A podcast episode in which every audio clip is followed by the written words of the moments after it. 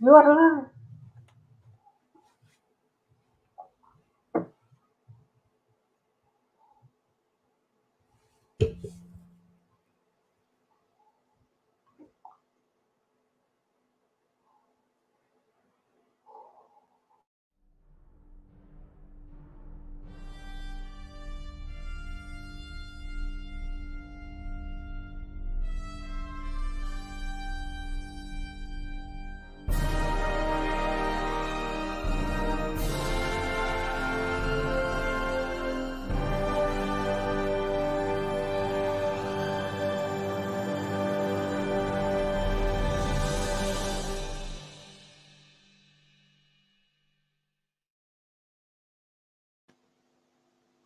Cześć, witam wszystkich i zapraszam na kolejny odcinek Stacji Ateizm. Nazywam się Gosia Sajnok i będę dziś Waszą prowadzącą, a współprowadził będzie dziś ze mną Bogumił. Cześć Bogumile, jak tam? Dzień dobry. E, jak tam? No. Ech, dobrze. To dobrze, że dobrze. E, tymczasem w stacji Ateizm promujemy pozytywny ateizm, rozdział Kościoła od państwa, wspieramy dyskryminowanych ateistów oraz prowadzimy dialog na temat wiary. E, teraz jest właśnie czas, że chcę Was zachęcić do telefonów i jednocześnie przeprosić Was, że musieliście tak długo czekać. Już upłynęło dwie godziny, czy nawet więcej, już sama straciłam rachubę czasu. E, mieliśmy niestety problem z tym, znowu właśnie jeżeli chodzi o odbieranie telefonów i chcieliśmy rozwiązać problemy techniczne właśnie po to, żebyście mogli dzisiaj z nami porozmawiać.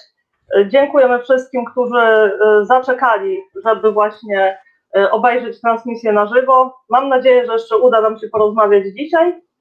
Także dzwońcie do nas. Telefony już działają. Mamy pięć linii otwartych i po ogłoszeniu, po paru ogłoszeniach oraz po prologu Bogumiła zaczniemy od Was odbierać. Numer telefonu jest na ekranie. Także dzwońcie, dzwońcie. E, teraz mam dla Was jeszcze ogłoszenia. Będziemy mieć dla Was dwa ogłoszenia w tym odcinku. E, o pierwszym opowiem już za chwilę, natomiast na drugie ogłoszenie będziecie musieli zaczekać do końca odcinka. No więc tak, jeżeli chodzi o pierwsze ogłoszenie, to wreszcie zrobiliśmy to, o co nas prosiliście od dawna. Otóż już od dzisiaj uruchamiamy naszego stacyjnego Patronite'a. Także jeżeli cenicie naszą pracę i chcielibyście nas wesprzeć, to serdecznie zapraszamy. E, wasze wsparcie pomoże nam w rozwoju oraz w poprawieniu jakości naszych audycji. I jak tylko skończy się pandemia, planujemy powrót e, do studia, co oczywiście wiąże się z kosztami, także każde wsparcie będzie dla Was cenne. I poza tym mamy też w planach różne pomysły rozwijające naszą stacyjną działalność, gości specjalnych, wywiady, debaty, oraz bonusowe projekty, które urozmaicą, urozmaicą naszą stacyjną twórczość. E, I już tutaj Wam pokażę, gdzie możecie się, e, gdzie możecie się udać właśnie, aby nas wspierać. Tu jest e, strona naszego Patronite'a i link do Patronite'a będzie także, także w opisie odcinka. Nie wiem, czy już widzicie, mamy jednego patrona, nie wiem skąd, to, skąd się ktoś dowiedział tak szybko, że już e, Patronite'a uruchomiliśmy, ale e, wieści się szybko roznoszą. E, I chciałam jeszcze dodać w sprawie Patronite'a, że nawet za skromne dotacje zostacie, zostaniecie zaproszeni do naszej zamkniętej grupy na Facebooku, gdzie będziemy się z Wami dzielić pomysłami co do rozwoju stacji, będziecie mogli brać udział w wybieraniu tematów, które poruszamy, także w wybieraniu gości specjalnych i będziemy też publikować różne bonusowe materiały z zakulis. E, także jest to, e, jest to bardzo ciekawe i mamy nadzieję, że będziecie chcieli nas wesprzeć i będziecie się także przy tym dobrze bawić. Teraz jeszcze chciałam, chciałam wspomnieć o jednej rzeczy, zanim przejdziemy do sedna odcinka. Mianowicie chciałam się odnieść do E, poprzednich odcinków z cyklu 69, ponieważ tematy, które poruszyliśmy, wywołały bardzo burzliwe reakcje. I ja ze swojej strony chciałam zwrócić, e, wrócić szczególnie do odcinka z zeszłego tygodnia i ogromnie podziękować dziewczynom, które do, które do nas zadzwoniły. To jest Ali, Halinie i Magdzie. Bardzo Wam dziękuję za odwagę i za zaufanie, którym nas obdarzyłyście. Oraz chciałam podkreślić, że zrobiłyście naprawdę niesamowitą rzecz, która wpłynie na jakość życia wielu widzów, którzy Was usłyszeli. E, ponieważ e, opowiedziałyście o przemocy, o wstydzie i o lękach, które przeżywa w Polsce miliony osób, ale ci ludzie myślą, że są jedyni na świecie i są e, osamotnieni właśnie w tych lękach. I właśnie dzięki Wam, Alu, Halino i Magdo, ponieważ Wy przerwałyście milczenie, dodałyście właśnie odwagi takim ludziom i to jest naprawdę wielka rzecz, także bardzo Wam dziękuję. I jeszcze jeżeli właśnie chodzi o ten temat, chciałam wspomnieć, że e, po odcinkach 69 dostaliśmy mnóstwo maili i komentarzy e, na Facebooku od widzów, e, szczególnie od kobiet, ale również były też wiadomości od mężczyzn, którzy, którzy opowiadali, jak bardzo identyfikują się z problemami, które były poruszane. Niektóre z tych osób wyraziły chęć opowiedzenia nam swoich historii i mamy już plany, jak wykorzystać relacje naszych widzów do rozwinięcia tematu seksu w kościele. E, także temat nie jest zamknięty, będziemy do niego wracać i jeżeli tylko czujecie potrzebę podzielenia się z nami e, swoimi doświadczeniami lub sugestiami, jakie aspekty seksu w kościele chcieli, chcielibyście, aby były poruszone u nas w stacji, e, to zachęcam, piszcie do nas na maila, na Facebooku, gdzie chcecie. Pamiętajcie, że nie jesteście sami i nasza ekipa Was zawsze wysłucha. Także to tyle ode mnie. I teraz oddaję głos e, Bogumiłowi. Co dla nas masz? E, tak, dzień dobry.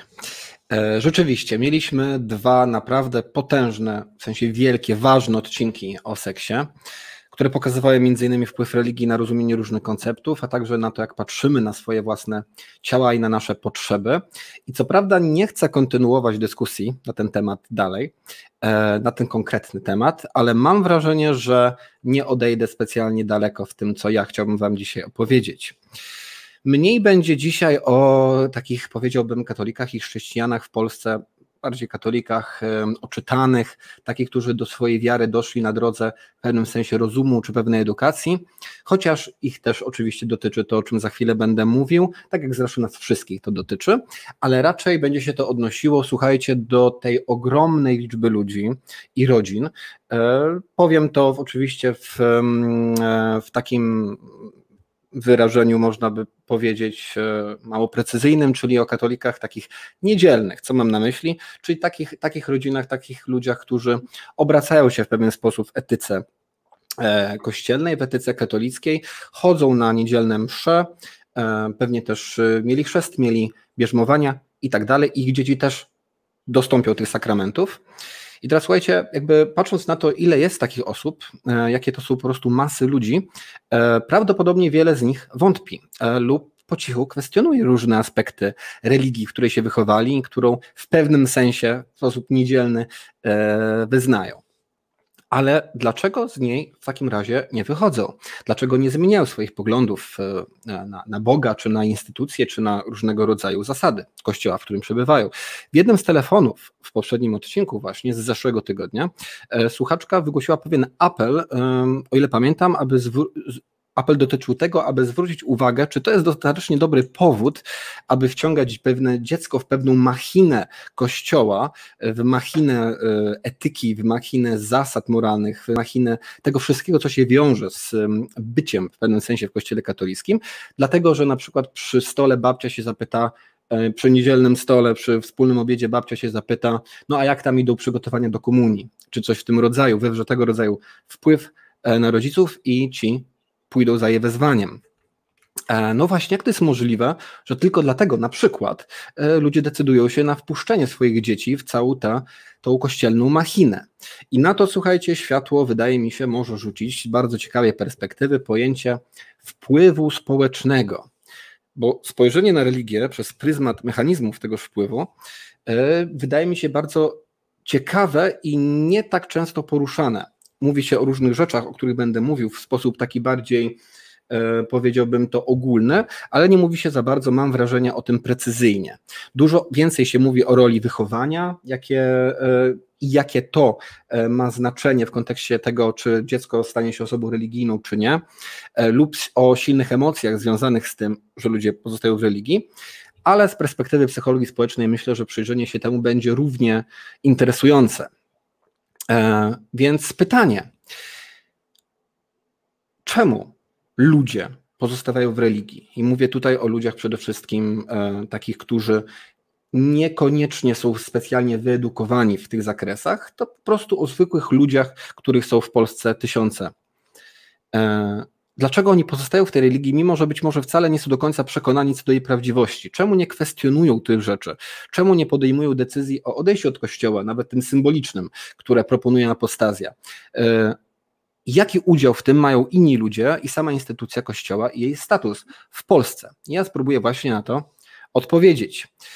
Więc zacznijmy sobie od absolutnych podstaw, czyli zapytajmy siebie samych, czym w ogóle jest wpływ społeczny. Uważam, że jest świetna grafika, która pokazuje, czym on jest w pigułce. Poproszę o zdjęcie numer jeden. Tak, e, co my tutaj widzimy? Widzimy e, proponowaną opłatę za męską toaletę i osoby z małym przyrodzeniem mogą zapłacić złotówkę, osoby z dużym muszą zapłacić złotych pięć. No i jak widać, na tej paterze są tylko i wyłącznie pięciozłotówki. To jest oczywiście przykład nieco celowo podejrzewam przyrysowany, ale wierzcie mi, że takie rzeczy naprawdę się dzieją i naprawdę zachodzą. Zobaczcie, taka mała kartka, prawda, e, spowodowała taką dużą zmianę. E, jeżeli jest, jest jakaś nasza interwencja, prawda, nieduża, a zmiana w zachowaniu ludzi innych będzie bardzo duża, no to wtedy możemy mówić o właśnie tym że zaszedł wpływ społeczny.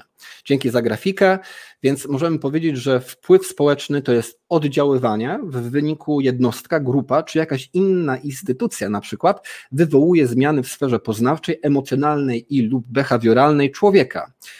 Uwaga, wpływ społeczny może być świadomym, intencjonalnym zabiegiem, ale wcale nie, może być też jak najbardziej działaniem nieuświadomionym. Ważne jest, aby z tego zapamiętać, że wpływ społeczny jest zmianą. E, na przykład e, wpływem społecznym będzie też nasza mimika i to, że to spowoduje zmianę zachowania u drugiego człowieka czy u grupy, to również nazwiemy e, wpływem społecznym. No i teraz słuchajcie, jeżeli spojrzymy sobie na tą naszą religię katolicką w Polsce, jako coś innego, czy jako coś więcej niż tylko to, czym jest w sensie takim ontologicznym, czyli zbiorem wierzeń, obrzędów, rytuałów i pewną społecznością, to widzimy, że jest to również byt, który dysponuje szeregami różnego rodzaju wpływów społecznych, różnego rodzaju, różnymi rodzajami wpływu społecznego, narzędziami perswazji, świadomymi lub nie. Jeżeli spojrzymy na religię, wydaje mi się, w ten właśnie sposób, jako kolektyw różnego rodzaju wpływów wywieranych na społeczeństwo, być może będzie nam łatwiej zrozumieć, czemu tak trudno jest się z tej religii wyrwać. E, I poproszę o grafikę Drugą, spójrzmy sobie na rodzaje wpływu społecznego. Co może ten wpływ zmieniać? Więc jak widzimy, może wpływać na nasze myśli. Za, za, pomocą wpływu społecznego, wywierania takiegoś wpływu, takiegoż wpływu, możemy spowodować, że ludzie zaczną myśleć inne rzeczy. E, nie będę przedłużał i podawał przykładów. E, wydaje mi się, że jest to dość proste i oczywiste. Jeżeli chodzi o aspekt emocjonalny, spowodowanie, żebyśmy czuli co innego, e, to pozwolę sobie powiedzieć o najprostszym przykładzie, który usłyszałem na swoich studiach, czyli widzimy osobę, która zbiera pieniądze e, w jakimś przejściu pod, pod peronem, czy coś w tym rodzaju.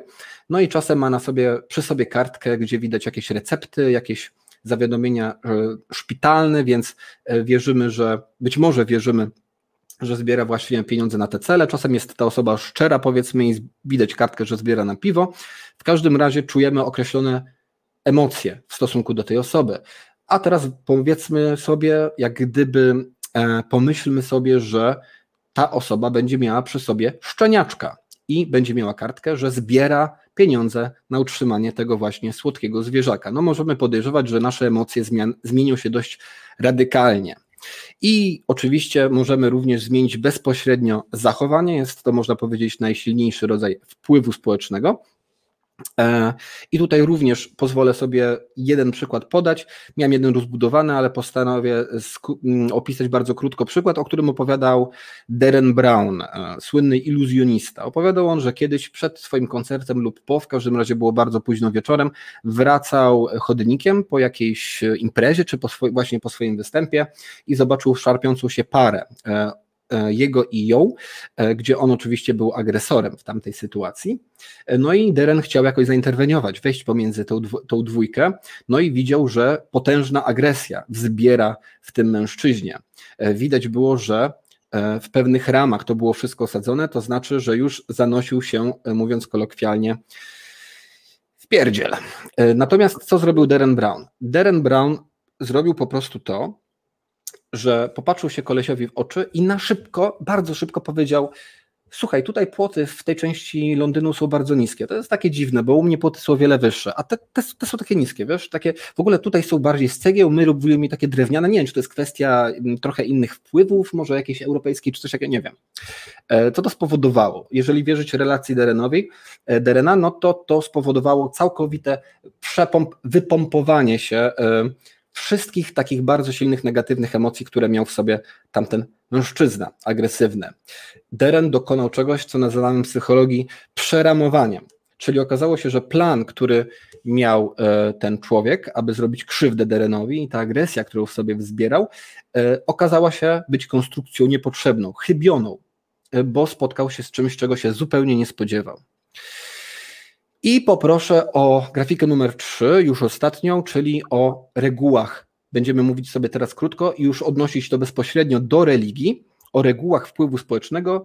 To jest idea, to jest koncept, to są zasady opracowane przez słynnego psychologa e, Roberta. E, e, zgubiłem.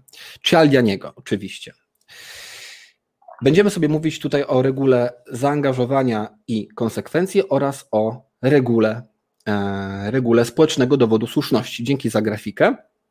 Natomiast e, z racji tego, że zaczęliśmy tak późno, a mamy już dwie osoby e, dzwoniące, to pozwoliłbym sobie tutaj postawić, postawić przecinek, nazwijmy to, odebrać telefon, a potem ewentualnie wrócić do tematu bo jeżeli mogę zatizować y, resztę y, mojego, mojego wstępu, no to już będziemy mówili bardziej do spodu, bardziej do celu, w jaki sposób właśnie reguła zaangażowania i konsekwencji oraz reguła społecznego dowodu słuszności odnosi się do religii i w jakim kontekście sprawia, że ludzie mogą y, silniej w tych strukturach kościoła i religii katolickiej pozostawać, a nie chcieć czy nie móc się przekonać do wyjścia właśnie z tej religii, do zmiany swoich przekonań.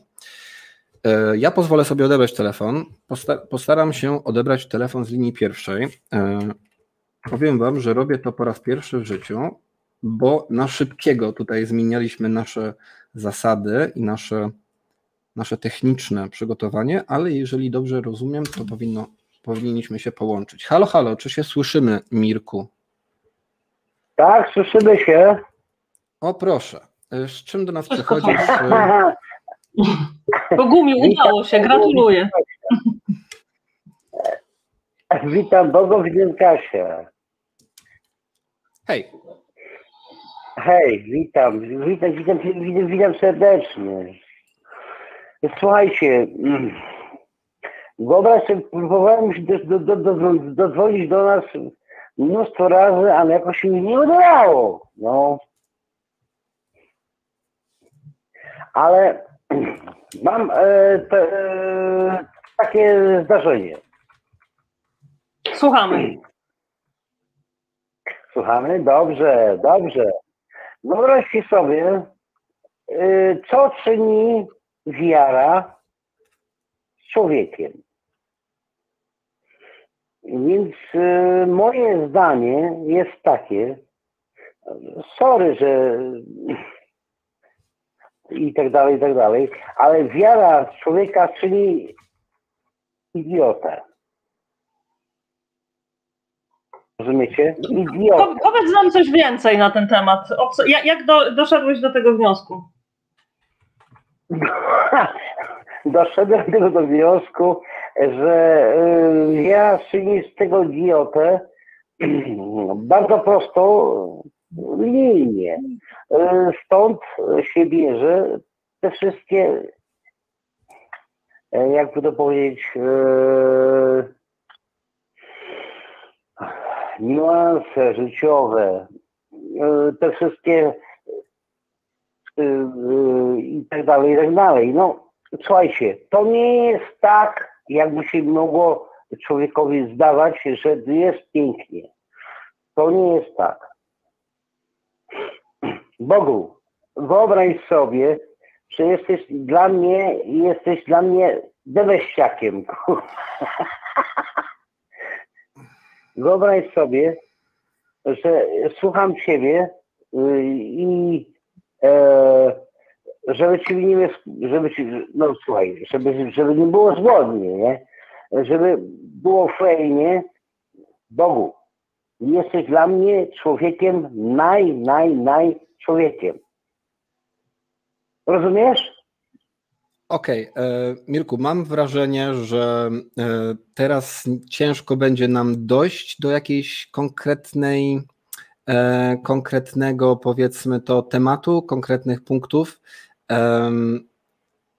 Sądzę, że. E, halo? Halo? No nic, no najwyraźniej nas rozłączyło, natomiast e, nie powiem, żebym specjalnie e,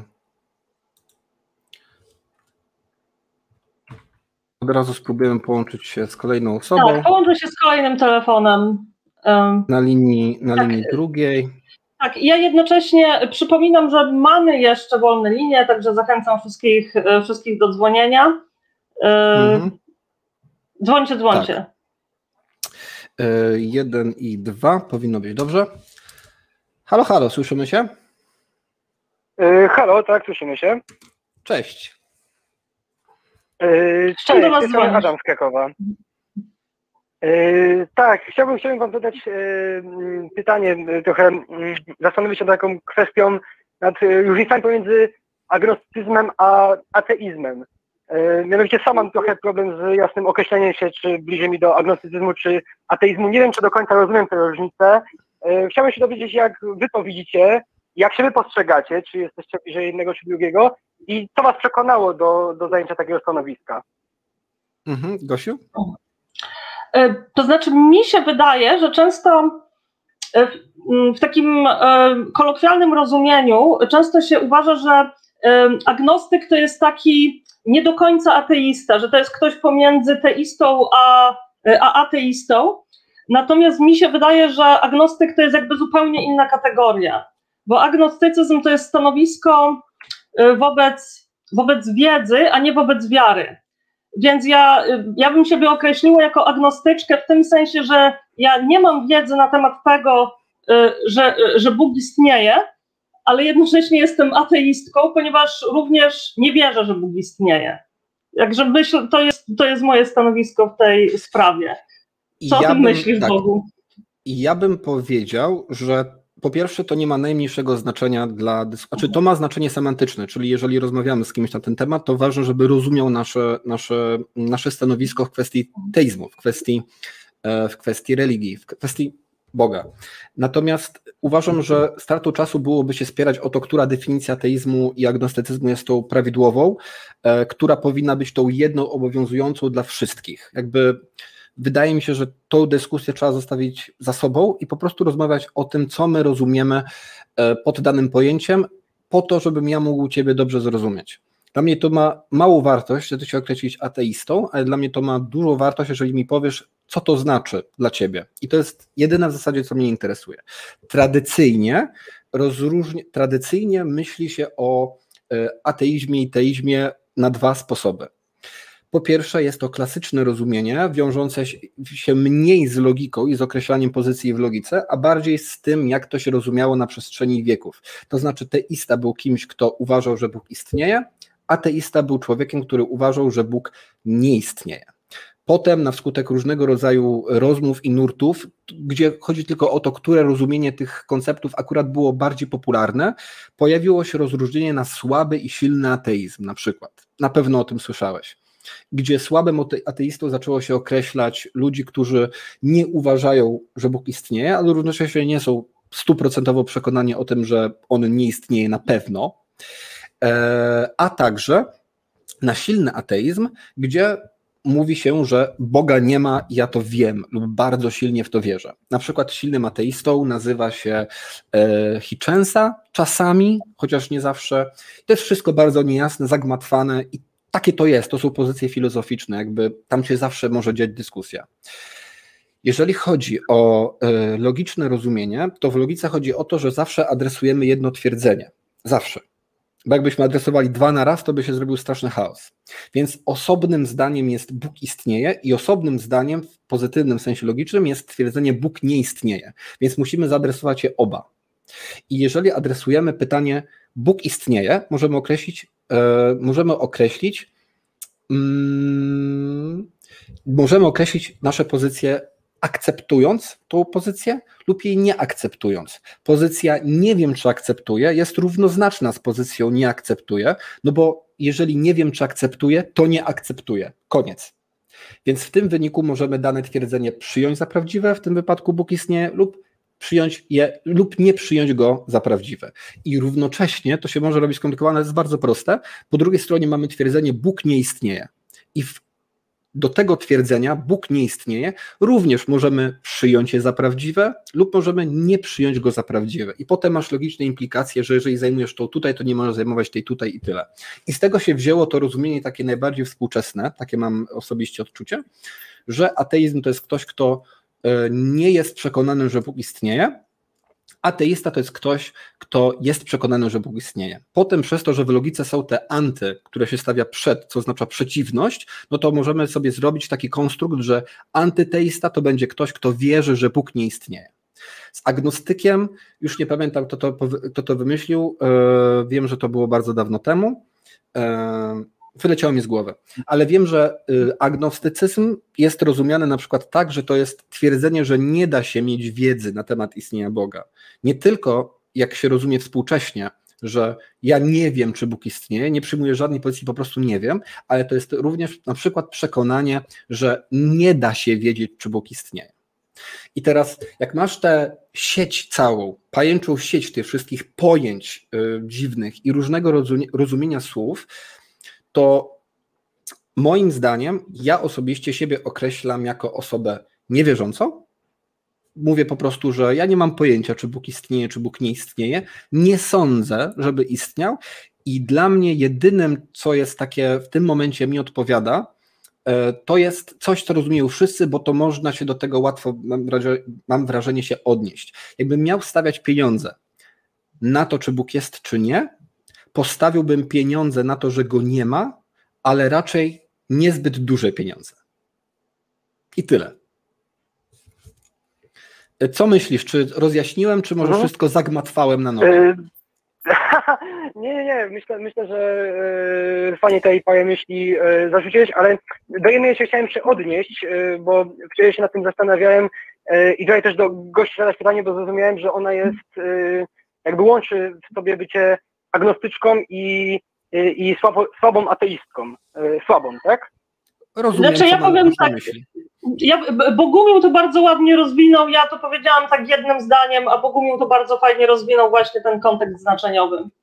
A, a, a jak, jak jest u Ciebie? Jak, jak Ty się określasz? No właśnie mi jest trudno powiedzieć, no, bo problem, problem widzę w tym i nie wiem, czy doda się połączyć, że e, tak jak e, Bogumił przed chwilą wspomniał, że e, agnostyk ma w sobie takie stwierdzenie, że nie da się udowodnić istnienia Boga. Jeżeli przyjmujemy postawę agnostyczną, to przyjmujemy zarazem, że odpowiedź na pytanie, czy Bóg istnieje, czy nie, jest zupełnie poza nami i nie ma żadnej możliwości odpowiedzi na nie, prawda? To znaczy, to znaczy Natomiast... tylko, tylko jeżeli mhm. dana osoba się z tym zgodzi, że ona rozumie agnostycyzm w ten konkretny sposób. Aha. Wtedy tak. Aha, aha. E, no właśnie, natomiast e, w przypadku słabego ateizmu to tego twierdzenia już, e, nie ma albo nie musi być? Nie musi być. Mhm. Mm, No i tak, ja- jakby się teraz tutaj określić, no myślę, że to ja, ja rozumiem ag- agnostycyzm tutaj, podsumowując to wszystko właśnie przez, przez tą różnicę, że agnostyk jednak e, no to jest agnoza, czyli, czyli brak wiedzy i brak możliwości poznania tej wiedzy, prawda? E, e, I tutaj przydałby się jakiś dowód, jeżeli ktoś by się stawiał jako agnosty, agnostyk i tak by to definiował, może dowód na to, że ma jakieś powody, żeby myśleć, że tej wiedzy nie da się zdobyć. Wiedza Może tak być. Boga. Czy ma, Może ma, tak ma jakiś być. powód. Aha. Mhm, może tak być. No tak, no, Nawet to, to może mieć nawet jakiś tam sens, nie? W sensie może być tak, że wiesz, może, może Bóg jest, ale jest tak bardzo niedostępny naszym zmysłom, naszym narzędziom jakimkolwiek poznawczym, e, wiesz, że może być, tylko może być tak bardzo poza nami, tak bardzo nie ingerować w świat, że po prostu nie da rady go poznać w żaden sposób. E, można postulować istnienie takiego Boga. Jak najbardziej. Mhm. E, To teraz e, chciałbym przejść do takiego drugiego krótkiego e, pytania, bo jako świadomi ateiści na pewno st- stykaliście się z wieloma różnymi argumentami teistycznymi i mam takie pytanko, czy który z tych argumentów najbardziej do Was przemówił? W sensie widzicie w nim potencjał do tego, żeby kiedyś Was przekonano na tą drugą stronę, albo że który jest najtrudniej obalać, który który tak jest najbliżej waszemu sercu. Gosiu? E, Ja się tak zastanawiam. e, Znaczy, to jest e, tak, bo jest jeden argument, który on mnie sam w sobie nie przekonuje, bo jego się łatwo obalić, ale gdyby go się nie dało obalić, to uważam, że on byłby najlepszym. To jest argument ontologiczny, czyli jakby to rozumowe stwierdzenie, że Bóg istnieje. Bo już nie pamiętam, jak to dokładnie szło, żeby mi się nie pomyliło, ale generalnie chodzi o to, że Bóg jest tą właśnie najwyższą, najdoskonalszą istotą i skoro my jesteśmy w stanie pomyśleć, że taka istota istnieje, y, to znaczy, że ona jest y, i że to, to jest jakby taka trochę, to jest taka pętla, że skoro my jesteśmy w stanie pomyśleć o najdoskonalszej istocie jako o Bogu, to znaczy, że on musi istnieć.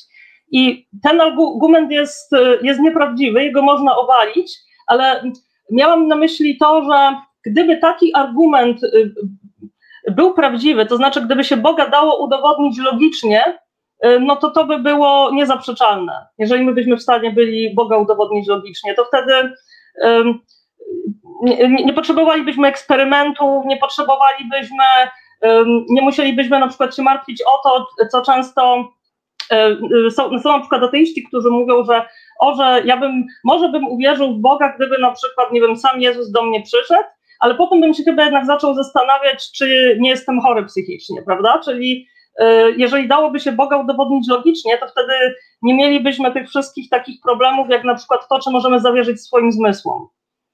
I myślę, że, to, y, że ten sposób dowodzenia byłby taki mur beton.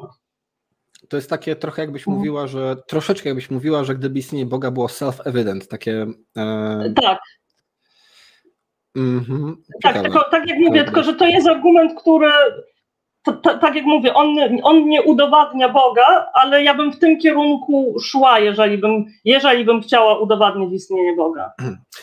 Ja odpowiem przewrotnie w ten sposób. O, widziałem no już dłuższy czas temu e, Cosmic Skeptic Alex O'Connor e, pojawił się na YouTubie w towarzystwie doktora e, Williama Craiga e, i odbyli bardzo interesującą dyskusję na temat argumentu Kalam. Gdzie jakby się okazuje, że to takie mm, promowane przez y, wiele różnych ateistycznych umysłów e, czy sceptycznych umysłów e, rozwiązanie, wykazanie błędności tego całego argumentu trochę się sypie, kiedy Craig przez lata jakby ten argument modyfikował i udoskonalał. I tam już wchodzą naprawdę potężne zagadnienia z mm, zakresu różnego rodzaju fizyki i takie naprawdę, wydaje mi się, zaawansowanej logiki filozofii, jak na moje oczywiście możliwości. O nieskończonościach, o tym, co jest możliwe, co jest niemożliwe. Już teraz też nie pamiętam, bo jak to mówią, e, chwila już minęła od tego czasu.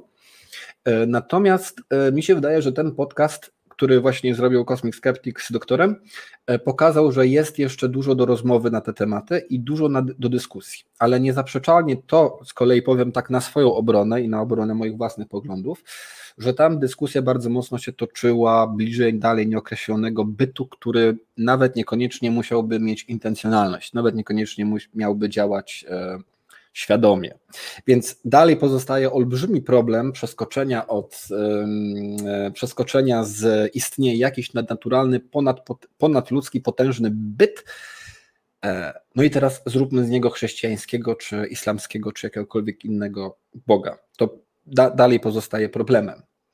E, myślę, że to jest ciekawe. A drugie, myślę, że gdyby się okazało, że jest sobie życie na innych planetach, dużo życia na innych planetach, albo że było, albo że będzie. Chociaż wiadomo, z naszej perspektywy to wcale nie musi być przyszłość, przeszłość, bo tam się mogą dziwne rzeczy dziać przecież z naszą rzeczywistością. Zwłaszcza, że jeżeli, nie wiem, do łask wróci teoria strun, czy jeszcze jakaś inna dziwna teoria, która być może okaże się być prawdziwa, to yy, yy, myślę, że można by zapostulować istnienie bytu tak potężnego, tak ponad nami, tak bardzo niepodobnego do niczego, co nazwalibyśmy materią i energią, że spokojnie moglibyśmy nazwać to Bogiem wraz z całą intencjonalnością i z całym, e, z całym byciem osobowym bytem.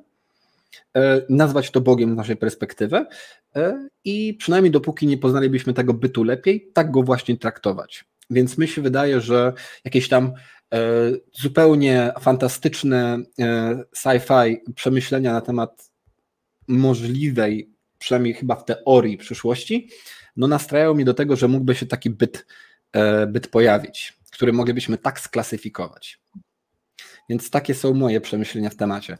A czy ty masz może jakiś pomysł, Adam, co ciebie mogłoby przekonać, albo co ciebie tak, wiesz, zastanawia mocno z argumentów?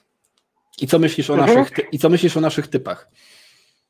E, tak, to znaczy znałem e, argumenty, e, które tutaj przytaczaliście. Ten argument głosi ontologiczny akurat mi się najmniej podoba z tych, tych wszystkich dużych argumentów. Kosmologicznie trochę lepiej rozumiem, może, może dlatego trochę bardziej byłbym w stanie być pod jego wpływem. Natomiast e, wydaje mi się, że mnie by najbardziej przekonał taki argument zupełnie różny od waszych, tych takich e, można powiedzieć matematycznych, czyli tych stworzonych według e, bardzo, bardzo ważnych, bardzo skomplikowanych, logicznych kryteriów, tych modus ponent opponens i tak dalej. Dla mnie takim argumentem byłby chyba argument z doświadczenia Boga i nie mam tu na myśli z cudów e, albo z jakichś widzeń, e, tylko e, tutaj zakładam, że te nasze zmysły, te takie, takie podstawowe zmysły, ta piątka wielka, która jest stosowana w naukach empirycznych i tak dalej, mogą, mogą trochę nam zamykać oczy na niektóre aspekty i wcale nie mogę wykluczyć, że istnieje jakiś zmysł, który nas łączy z Bogiem. Takie po prostu uczucie, że On istnieje i doświadczam go w jakiś sposób, którego nie rozumiem jako osoba niewierząca, ale jeżeli usłyszałbym od e, osoby wierzącej, że wierzę w Boga, bo, bo czuję Jego obecność, bo jest dla mnie On tak samo realny, jak, jak e, dla Ciebie jest realne to, co widzisz, to, co słyszysz i czujesz, to, to, to w pełni uznam, że jej uzasadnienie jest dobre i gdybym sam coś takiego poczuł, to, to byłbym w stanie się w to pasować.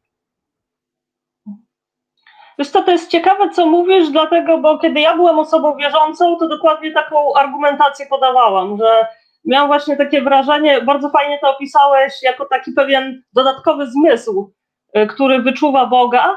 I ja miałam takie wrażenie, że po prostu ludzie się dzielą na tych, co mają tą jakby bogoczułość i tak, takich, którzy jej nie mają. I ja to tak sobie tłumaczyłam właśnie, że dlatego są, e, istnieją osoby wierzące i niewierzące i zawsze, kiedy rozmawiałam z osobami niewierzącymi, to to im to właśnie, to, to właśnie im to tłumaczyłam w taki sposób, że wy, że wy nie rozumiecie, jak to jest, że to jest trochę tak, jakby widzieć dodatkowy kolor. Mhm. Bo, bo faktycznie, kiedy się jest, znaczy, ja, ja mam zawsze taką, czuję taką trochę niezręczność mówienia o tym, bo chciałam powiedzieć, że kiedy się jest wierzącym, to faktycznie tak się czuję, że, yy, że ten Bóg jest koło ciebie, że to jest taka obecność bardzo intensywna, ale z drugiej strony też nie chcę mówić w taki sposób, że, że to jest nieprawdziwe, bo być może jest tak, że, że ja teraz jestem w błędzie, że może ja naprawdę nigdy nie byłam wierząca, że ja tak naprawdę nie poznałam Boga i to ludzie wierzący mają rację. Trudno mi to stwierdzić, ale, ale doświadczyłam właśnie zmianę tego, tego doświadczenia, z odczuwania na, na przestanie czucia. Hmm, ja bym, ja bym dodał, tak myślę na koniec, bo mamy kolejne telefony, Adamie, chcieli, myślę, że chcielibyśmy przejść dalej. Oczywiście, ale... oczywiście, to było, to było ostatnie mój, moja myśl. Ale bardzo, jest bardzo ciekawa i bardzo fajna. Co ja bym, co, co chciałem powiedzieć? Aha, no, że że trochę tak jest z takim bardzo mocnym subiektywnym odczuciem, że to powoduje, że y, bardzo mocno wierzymy w to uczucie, w obecność tego uczucia. Mm, podczas medytacji czy, czy podczas y, gorliwej modlitwy można zdobyć jedność z Bogiem, być może odblokować w sobie ten zmysł i tak dalej.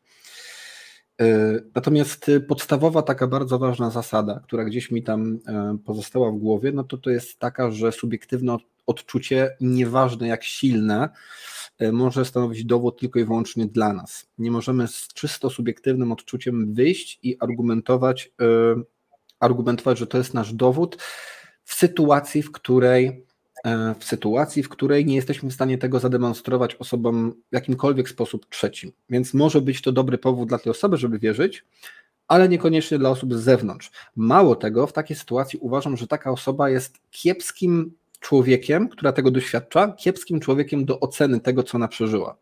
Bo w takich sytuacjach, jeżeli emocje są silne, e, uruchamia się jakiś dodatkowy zmysł, czy mamy tego poczucie, odlatujemy, e, coś się zaczyna zmieniać w naszym postrzeganiu rzeczywistości, to to jest kiepski moment i kiepski czas, żeby zachować otwarty, ale też racjonalny i sceptyczny umysł. To naukowcy potem mogą przyjść, czy osoby trzecie i powiedzieć, czy faktycznie działo się coś rzeczywiście nadzwyczajnego, e, a jeżeli nie, to dalej nie jesteśmy w stanie nic o tym powiedzieć. To trochę tak jak z osobami, które przechodzą śmierć kliniczną i twierdzą, że kiedy przeżywały tą śmierć kliniczną, to zobaczyły Boga. I absolutnie wierzę, że one faktycznie to przeżywają, ale one są bardzo kiepskimi osobami, żeby opowiadać o tym jako o dowodzie, ponieważ wiemy, w jak ekstremalnych stanach i jakich ekstremalnych zniekształceń dopuszcza się mózg, kiedy czuje, że ciało umiera. Jakby produkuje bardzo dziwne rzeczy i dziwne rzeczy się z nami dzieją, e, które mogą być nieodróżnialne od e, doświadczenia Boga, e, jeżeli takowe w ogóle jest. I w związku z tym, już jak podsumowując do brzegu, właśnie potrzebne są jakieś zewnętrzne dane, żeby to jakoś poweryfikować. Nie? I wydaje mi się, że te, trzeba brać argumenty o silnym, subiektywnym doświadczeniu poważnie, ale kurczę, nie zapominaj, że to są subiektywne doświadczenia. A my jesteśmy jako ludzie mistrzami w samooszukiwaniu siebie, świadomym czy nieuświadomionym. No, jak samo oszukujemy się, to jest to nieuświadomione. I biorąc pod uwagę, jak, jaka masa mechanizmów psychologicznych i innych wpływa na to, że postrzegamy rzeczywistość w zniekształcony sposób, nawet na zdrowe mózgi, zdrowe umysły, no to jak dodamy do tego jakiś ekstremalny stan dziwny naszego ciała, naszego umysłu, no to już kompletnie stajemy się ostatnim rzetelnym źródłem informacji, jakie można sobie wymarzyć. A więc nie sądzę, żeby to było, żeby to było takie wartościowe w sensie poznawczym, to co my możemy powiedzieć. Wartościowe w sensie poznawczym, że miałoby dotyczyć tego, co ta osoba uważa, że dotyczyło, czyli na przykład Boga. Mhm, ja y, też chciałem tylko y, już kończąc powiedzieć, że nie miałem na myśli, że to miało być argument za ateizmem, za, Boże, za teizmem, e, taki, który można by stosować podczas debat, czyli e, ty nie doświadczyłeś Boga, więc nie wiesz, że On istnieje, ja doświadczyłem, więc wiem, że On istnieje ty, i, i przekonywać tym argumentem innych, tylko to byłby dla mnie taki argument, który, który gdybym ja go poczuł, to, to ja byłbym w stanie zmienić e, Totalnie, zdanie. totalnie E, jestem w no stanie tak. w to uwierzyć. Ja nie wykluczam, że gdybym miał takie silne doświadczenie, to też nie wykluczam, że ja bym siebie sam przekonał, nie? Bo faktycznie teraz widzę lepiej Twój punkt, że faktycznie takie bardzo silne doświadczenie, takie zmysłowe w sposób niepodobny do niczego, mogłoby mnie przekonać potencjalnie, tak. Mhm. Dziękuję Wam za miłą rozmowę. Do widzenia. Dzięki wielkie. E, Dzwoń koniecznie za tydzień. Dobrze, dzięki, cześć. Dzięki, na razie. E, To co, kolejny telefon? Chyba prologu nie dokończę, ale to świetnie, bo mamy aż cztery telefony. Tak, tak, bardzo się Ym. cieszymy. Rozdzwoniliście się, bardzo, bardzo fajnie. E, Ja myślę, że inaczej, czy Gosiu, czy masz jakąś preferencję do tego, który telefon wziąć? Ja myślę, że ponieważ zaczęliśmy ten temat, co, co powiesz na numer jeden? Okej, czyli gwiazdka 11, Enter. O, coś wyrzuciło. Spróbuję jeszcze raz. Rzuciło. Mhm. Linia numer 1. Nie znaleziono. Może osoba O. się rozłączyła, czy, czy coś takiego. Jakby ktoś się zastanawiał, czemu to Bogu odbiera telefony, to dlatego, że właśnie u mnie call center nie działało i chociaż to ja prowadzę, to Bogu dzisiaj odbiera. Okej. mhm. Jest A kolejna osoba na linii piątej. E, Pojawiło się.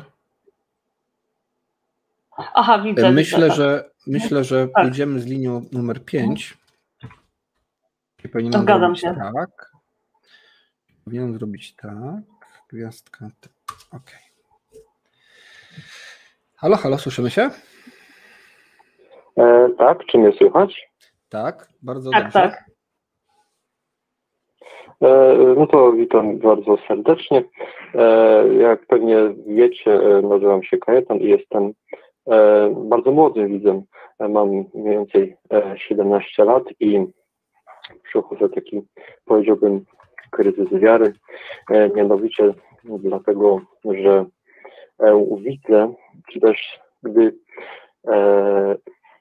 uczę się historii, bo nie oszukuję, bo nie mogę jakby skłamać, że nadal chodzę do szkoły średniej e, i się uczę i widzę to, co się dzieje w kościele oraz e, widzę, jakie ma skutki w ogóle religia na, to, na człowieka, na to, jak on myśli, e, na to, jak on funkcjonuje w społeczeństwie. Jestem bardzo zakłopotany z tym, ponieważ mm, ja, gdy no, de facto ja jestem jeszcze, jestem, należę do Kościoła katolickiego, ale mam taki kryzys wiary. Ja chciałem się właśnie podzielić tym kryzysem wiary, e, który właśnie jakby przeżywam oraz tym, że e, boję się trochę tym, jak to by mogło się tym zakończyć oraz jakby jakie mam obawy wobec Kościoła oraz takie przeżycia takie negatywne z nim. Okej? Mhm. E, Słuchamy oczywiście. bardzo uważnie. E, Dobrze. To przede wszystkim mm, mój kryzys wiary polega na tym, że e, kiedy ja jako, jako osoba wierząca mm, czuję, że znaczy no, wierząca jeszcze, e, czuję, że mm, osoby wierzące często nie chcą, aby ich e, światopogląd, aby ich wiara została bardzo naruszona, ponieważ de facto biorą, e, czy też mm, mają bardzo, ale to bardzo duże e, korzyści z tego względu, e, no bo mają jakieś ukojenie. Na przykład załóżmy, że ktoś z rodziny został mm, pokrzywdzony przez los, no bo zachorował, no i taka osoba mogła dostać wsparcie ze strony religii, ale problem polega na tym, że wątpię, aby to wsparcie jakiekolwiek w ogóle było, że to jest bardziej taki wymysł, czy też wmawianie sobie tego, jaka jest rzeczywistość. Bo mm, ja widzę w tym wszystkim w Kościele oraz w doktrynie katolickiej wiele sprzeczności logicznych. Jakby to jest bardzo dla mnie nielogiczne. Yy, Dla mnie różne materiały ateistyczne, e, on choćby z Wybrańczyka, e, Łukasza Wybrańczyka, to jest pewnie wasz kolega, e, z którym się dobrze znacie, Mhm. to mm, jestem pod wrażeniem tego, jak ja bardzo e, miałem takie opory, aby w ogóle słuchać. Słuchać tego, co druga strona ma do powiedzenia. E, Jakby ja siedziałem e, w tej takiej bańce i teraz na szczęście z niej wyszedłem i czuję taką, mm, powiedziałbym, ulgę, e, że mogę patrzeć na świat. I to jest właśnie ten problem, o, o którym chciałbym powiedzieć w religii oraz w Kościele katolickim, że nie stawia się w ogóle praktycznie na poszerzanie horyzontów, że masz się, że masz się trzymać pewnej dos, do, doktryny, pewnych zasad, które w pewien sposób nie tyle, że cię ograniczają. Mało, nie. To jest, ty możesz mieć bardzo zły wpływ na innych, kompletnie nie będąc tego świadomym. Możesz skrzywdzić drugą osobę z byle jakiego powodu. Z powodu, bo ja wierzę, a ty nie wierzysz, to z tobą jest coś złego. I to mnie przeraziło, ponieważ ja miałem takie uczucie mm, i wiem, też wierzę, że inni, e, znaczy w sumie wierzę, ja po prostu wiem, z historii przecież to wynika. Przecież ile było wojen na tle, na tle religijnym. Ostatnia taka wojna na tle religijnym, etnicznym, czy też społeczno-politycznym, tu gdzie w Europie to była w Jugosławii, tak? Serbowie się bili z e, Chorwatami, no bo ci są prawosławni, no a my jesteśmy katolikami.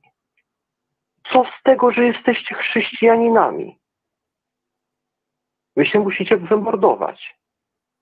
Za Boga, którego prawdopodobnie nie ma. I nie ma na to dowodu, że istnieje. Mało tego, nawet nie ma dowodu na to, żeby Chrystus zmartwychwstał. I to jest chrześcijaństwo? To jest religia pokoju?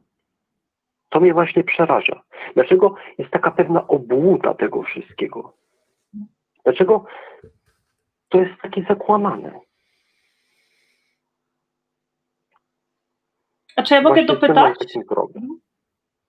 Czy ja Tak, mogę bardzo dopytać, czy, czy ja dobrze rozumiem, że Twój kryzys wiary wynika stąd, że ym, pewne wartości chrześcijańskie, które chrześcijaństwo miało oferować, że odkryłeś, że one są zakłamane, ponieważ historia o tym świadczy, ponieważ y, autorytety, które są w kościele, y, nie wyznają tych wartości, bo wcale, nie oferują miłości, tylko powiedzmy właśnie przemoc, jakieś wykorzystywanie, czy, y, czy o to chodzi?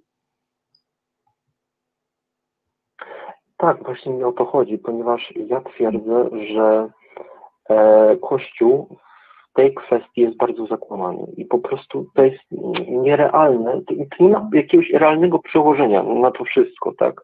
To są często zwykłe formułki. I ile, Boże Święty, ile ja razy byłem e, w kościele, ja słyszałem kazania, które są jakieś odrealnione od rzeczywistości, albo jakieś mówienie na temat y, językiem takim dok, doktrynalnym, takim po prostu to jest takie odrealnienie od rzeczywistości. No choćby nie wiem, e, ile ja nie słyszałem mm, ani razu y, z moich kolegów wierzących, którzy nie wiem, miewali jakieś problemy z mm, personalne, czysto osobowe z rodziny, żeby na przykład e, ktoś z kościoła, czy też e, mógł mu zaoferować pomoc. Że ja się zastanawiam, czemu nie ma takich miejsc pomocy, takiego, mm, takiej, takiej, charyta, takiej pewnej charytatywności.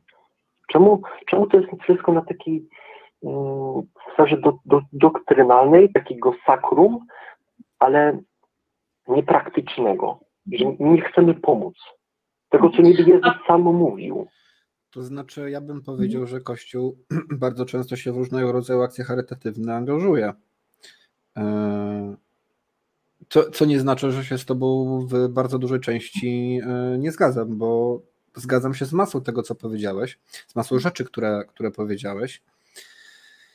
E, Powiedziałbym, że jeżeli dobrze Cię zrozumiałem, Tak. em, rzeczywiście jest tak, że jest trochę jedno, co Kościół mówi, co Kościół twierdzi, prawda? A co innego, co Kościół robi e, i czy podąża e, za tym, co twierdzi, albo czy to, za czym podąża i co twierdzi, jest jakkolwiek przystające do rzeczywistości, bo jak sam powiedziałeś, są rzeczy, które tej rzeczywistości kompletnie się nie trzymają. E, co wydaje mi się też, też, też z Twojej strony, też z Twojej strony padło. Czy na razie wszystko się zgadza? E, tak, tyle że mm, mój problem mm, bardziej ukrywa się z tym, że mam taki ogromny żal mhm. do instytucji Kościoła, nie ze względu na to, że mm, ja go, ja go w ten sposób wyolbrzymiam problem, że w sensie Kościół nie pomaga. Nie, to absolutnie z tym się w ogóle nie można jakkolwiek zgodzić, bo, bo nawet, nawet można się cofnąć do historii Kościół pomagał, tak, pomagał, ale jest pewien problem, który mm, Kościół nie rozwiązuje, w sensie Kościół nie dba o zaplecze intelektualne swoich parafian, znaczy swoich mm, parafian, e, po prostu osób, które wierzą. Po prostu kościół, osób, które należą do kościoła, tak? E, o co mi chodzi? Ponieważ My, jako Polacy, jesteśmy bardzo pokrzywdzeni przez dawny system. To widać. To przecież jest masa ludzi, których moglibyśmy określić mianem homo sovieticus, tak?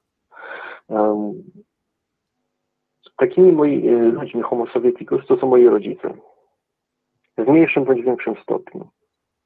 Ja nie widzę, aby Kościół pomagał w sposób taki bardzo bezpośredni takim ludziom, żeby jakkolwiek ich nakierować, tak taki sposób, mm, żeby, żeby jakoś promował, żeby cnotliwym było zbieraniem wiedzy oraz sprawieniem, aby ich życie było lepsze. Bo ja widzę ludzkie dramaty na swoich, na swoich barkach noszę, widzę cierpienie moich rodziców, tym, jakich tamten system zgnoił oraz to, że Kościół nie pomógł im w sposób bardziej bezpośredni niż tylko duchowym, gdzie moim zdaniem efekty duchowe są marginalne w porównaniu z czysto materialnymi.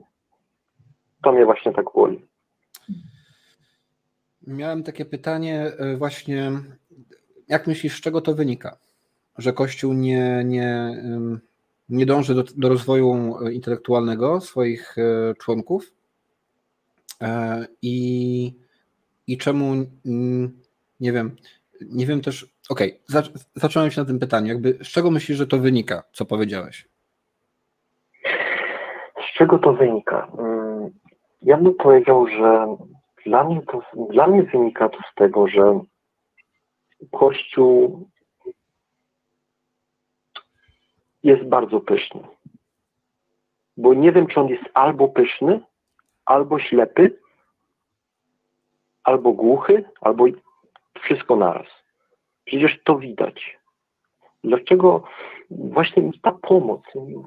Ja właśnie tego nie rozumiem, bo dla mnie, mimo wszystko, że są ci hierarchowie i są ci ludzie bardzo blisko kościoła, to mimo wszystko nie zobaczyłem tej właśnie takiej realnej pomocy, aby pomóc tym ludziom, albo w ogóle jakaś zmiana systemowa. Jezus Maria, przecież mieliśmy zmianę systemową. Dlaczego nie ma wsparcia dla takich ludzi? Dlaczego my, jako ludzie, nie ze względu nawet na religię, na wyznanie, nie możemy się jakoś dogadać? Nie możemy jakoś ze sobą w normalny sposób rozmawiać? Czy naprawdę my musimy na siebie pluć? To mnie właśnie, to mnie właśnie zastanawia, bo to jest właśnie ta rzecz, że hierarchowie z jednej strony mówią, z jednej strony mówią jedno, a z drugiej strony robią drugie, tak? Ja, ja, nawet nie wchodzę na to o jakieś afery pedofilskie, tak? To mnie kompletnie, to, to, to jest inna kwestia, ale po prostu ta, ta taka, no może nie powiedział, żeby bezradność, tylko taka niechęć. Mhm. Ten problem e, Ja się chciałam o coś zapytać. Znaczy, i to, są, to jest takie podwójne pytanie. Jedno dotyczy tego, ponieważ e, na, powiedziałeś, że przychodzisz kryzys wiary, Czyli ja rozumiem, że pomimo tych wszystkich e, negatywnych rzeczy, które powiedziałeś o Kościele, z którymi ja się jak najbardziej zgadzam, e, że jest w tobie jeszcze jakaś wiara w Boga i chciałam się właśnie o to zapytać, żebyś trochę więcej o tym powiedział. I także chciałam się ciebie zapytać, czy e, gdybyś znalazł chrześci- jakiś odłam chrześcijaństwa, jakiś kościół, gdzie gdzie te y, y, obietnice chrześcijaństwa są spełnione. To znaczy, że jest Kościół, który pomaga ludziom, zajmuje się ludźmi w kryzysie i wypełnia te wszystkie chrześcijańskie wartości. Y, to, ty, to dalej byś był w kryzysie, czy, czy, czy to by cię zadowoliło i wtedy myślisz, że pozostałbyś wierzący? Pytam o to dlatego, bo ja jestem bardzo ciekawa, czy problem u ciebie leży w samym zachowaniu autorytetów Kościoła, czy, czy jakby w, w braku wiary Boga jako tako. No nie, bo ja właśnie chciałem powiedzieć, że mm, te wszystkie działania, mm, te wszystkie rzeczy, o których powiedziałem oraz o tych tak zwanych grzeszkach Kościoła, ale zwykłych ludzi, po prostu zwykłych ludzi, pokazuje mi, że ja nie widzę w tym żadnej sprawiedliwości. A skoro nie widzę sprawiedliwości, to raczej wątpię i właśnie te, te, te kwestie, że że czy by mnie to zadowoliło, czy, czy ta pomoc ze strony e, innych kościołów, czy też z, no, jakichś tam instytucji kościelnych, czy około kościelnych by nie mogę zadowolić. Nie, ja właśnie tak mam taki kryzys wiary, że w sensie ja się już nie zgadzam zbytnio z doktryną katolicką oraz po prostu przestałem wierzyć, ponieważ widzę te sprzeczności w Biblii i tak dalej, ale też stwierdzam, jestem przekonany to, że e, widzę pełno niesprawiedliwości na świecie, pełno bólu, nawet nie bólu, po prostu cierpienia, nieusprawiedliwionego cierpienia oraz e, pomimo to, że jest tak dużo chrześcijan, jest tak dużo nieszczęścia, że pomimo to, że mamy wszystko, prawie praktycznie wszystko, to bardzo jesteśmy nieszczęśliwi i wobec siebie jesteśmy no gorzej niż zwierzęta, tak? Po prostu to mnie właśnie boli i... Czyli całość, cały ten plan Boży się po prostu y, jakoś się nie spaja.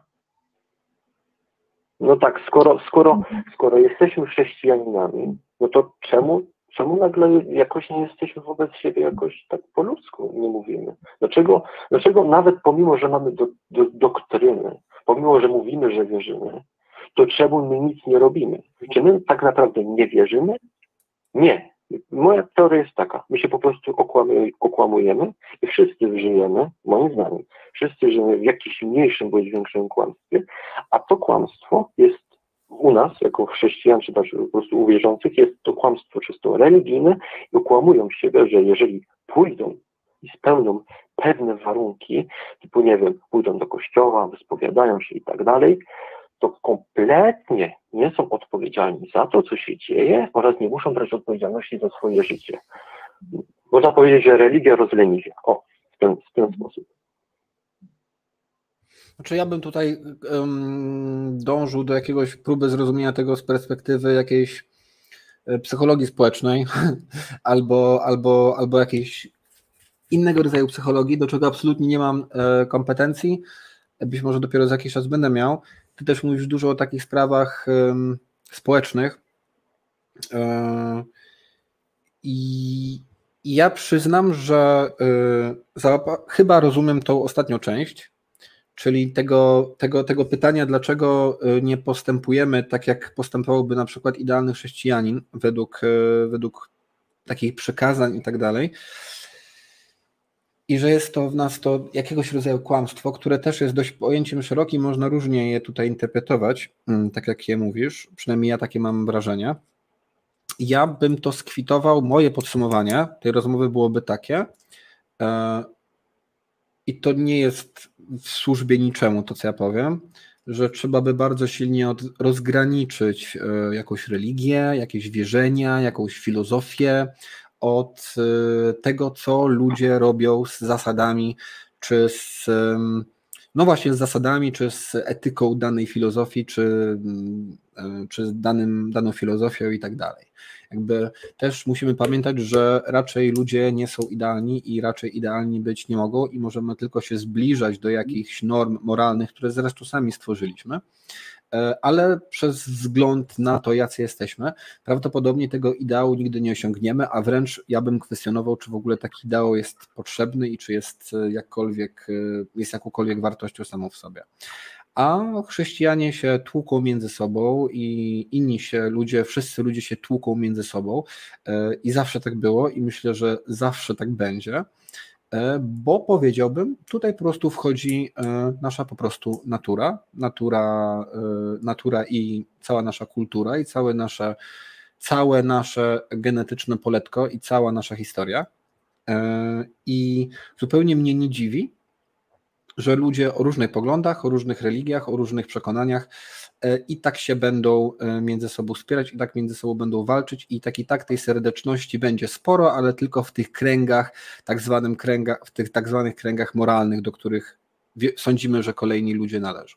I są jakieś takie światłe idee, tak, jak wszyscy są twoimi braćmi, powiedzmy, yy, są jakieś światłe idee, wszyscy ludzie są tak samo ważni i trzeba yy, się yy, wszystkimi przejmować, ale jest to po prostu nierealistyczne i mówią o tym wszystkie nauki jakieś przyrodnicze i socjalne i, i społeczne i tak, i tak dalej. Więc to jest taka moja jakby próba odpowiedzi na pytanie, czemu to wszystko tak wygląda, nie inaczej. A sam powiedziałeś, E, a sam powiedziałeś również y, o tym, że mm, Kościół też jest powiązany pewnymi dogmatami, które stworzył. Ja bym to po prostu odniósł do tego, że to sprawia, że te przekonania i te zasady i rzeczy, które proponuje Kościół, są słabo elastyczne. Nie można ich dostosowywać do zmieniających się warunków, czy to społecznych, czy to kulturowych. Nie można, nie nadąża Kościół po prostu w swoim dogmatyzmie za zmieniającymi się, rozwijającymi e, rozszerzeniem kręgu moralnego i delikatniejszemu i prawdziwszemu i lepszemu traktowaniu osób o odmiennej orientacji seksualnej, o innej płci i tak dalej. Po prostu Kościół nie nadąża na przykład za takimi rzeczami.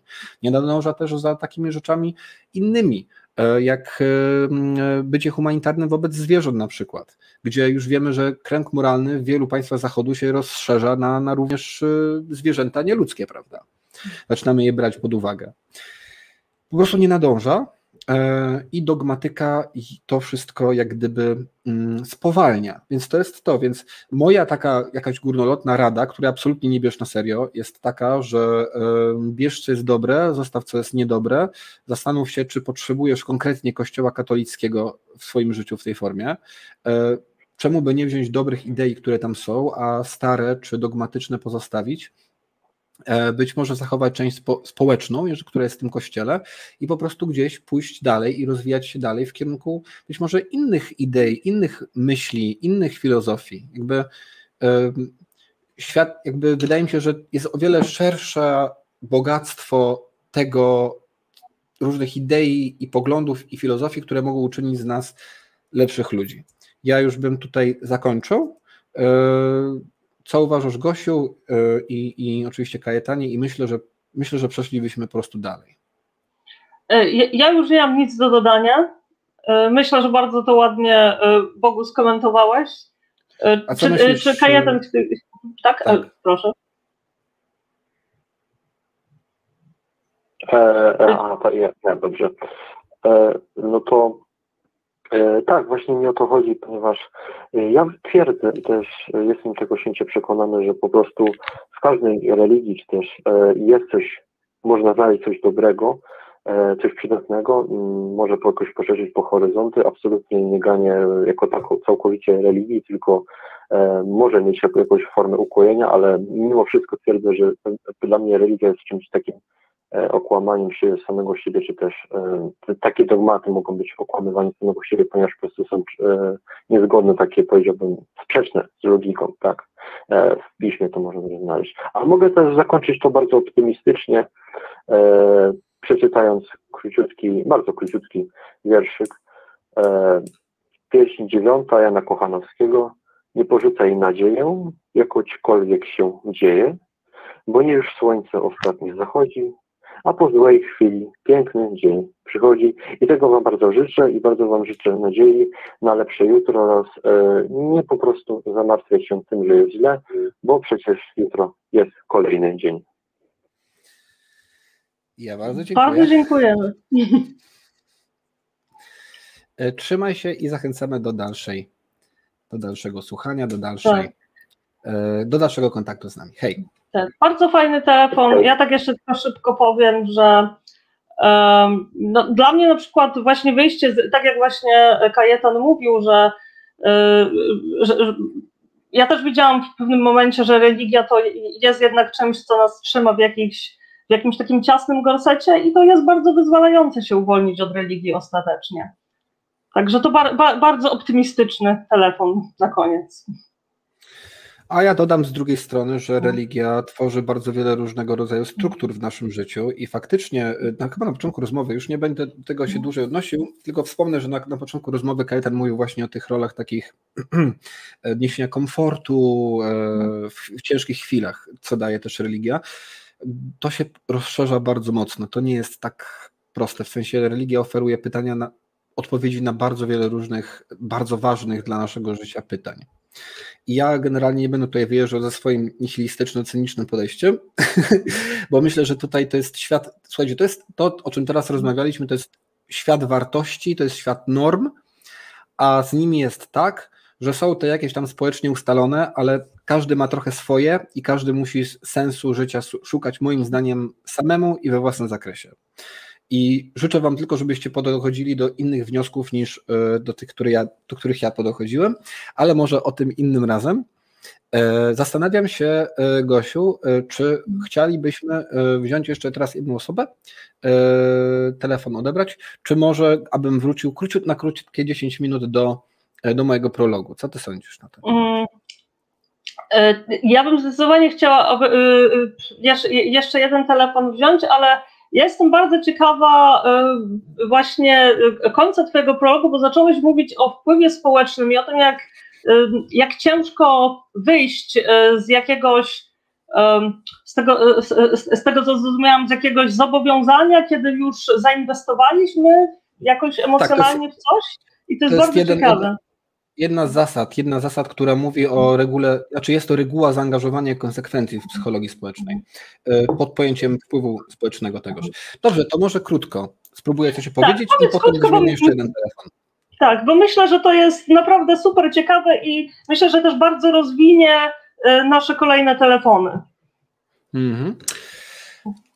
Okej, dobra. To teraz pokażę Wam, jak działa reguła zaangażowania i konsekwencji w, e, na żywo, ale zrobię disclaimer teraz. Bardzo ważny disclaimer. Słuchajcie, w filmie, który zaraz zobaczycie, będzie pokazane ciało zwierzęcia. Nie w szczególe, nie w wysokiej jakości z wieloma brzydkimi rzeczami na ekranie, ale będzie ciało martwego zwierzęcia, które do tego e, no, będzie pewien płyn, który również się tam pojawi.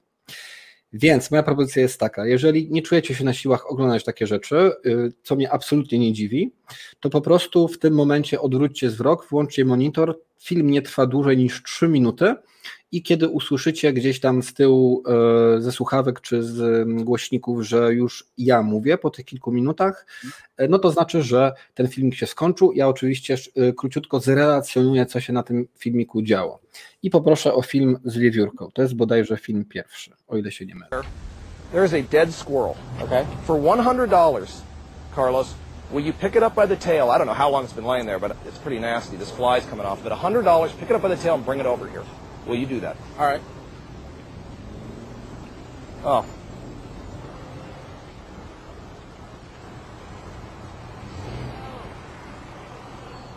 Put it on your head. See the girl over the phone on the phone over there?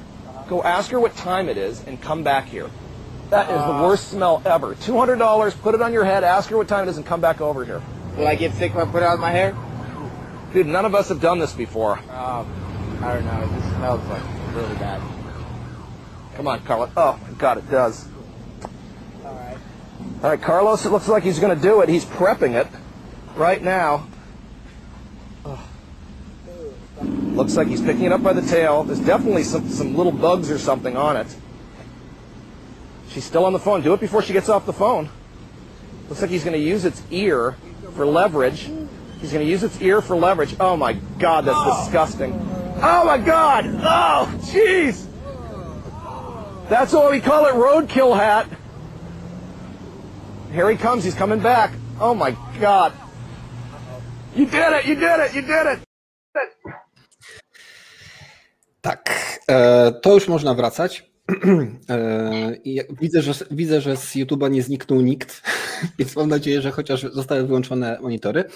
Zobaczyliśmy prezentera jakiejś stacji telewizyjnej, e, który zrobił krótki eksperyment społeczny, czyli poprosił e, losowego człowieka e, z ulicy, pokazał mu leżącą martwą wiewiórkę na skraju drogi i powiedział: Dam ci 200 dolarów, e, czy tam 100 200 dolarów, jeżeli przyprowadzisz, jeżeli przyniesiesz ją za ogon do mnie. No i koleś opierał się jakiś czas, ale w końcu przyniósł tą wiewiórkę do niego.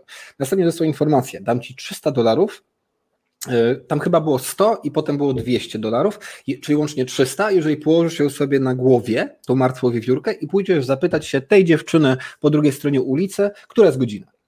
I teraz badania robione na szeroką em, skalę pokazują, że jeżeli podejdziesz do, do losowej osoby na ulicy i powiesz tej osobie, hej, przynieś tą martwą wiewiórkę za ogon, połóż ją sobie na głowie i pójść do tamtego człowieka, do tamtej osoby, zapytać się, która godzina i dam ci za to 300 dolarów, nikt tego nie robi.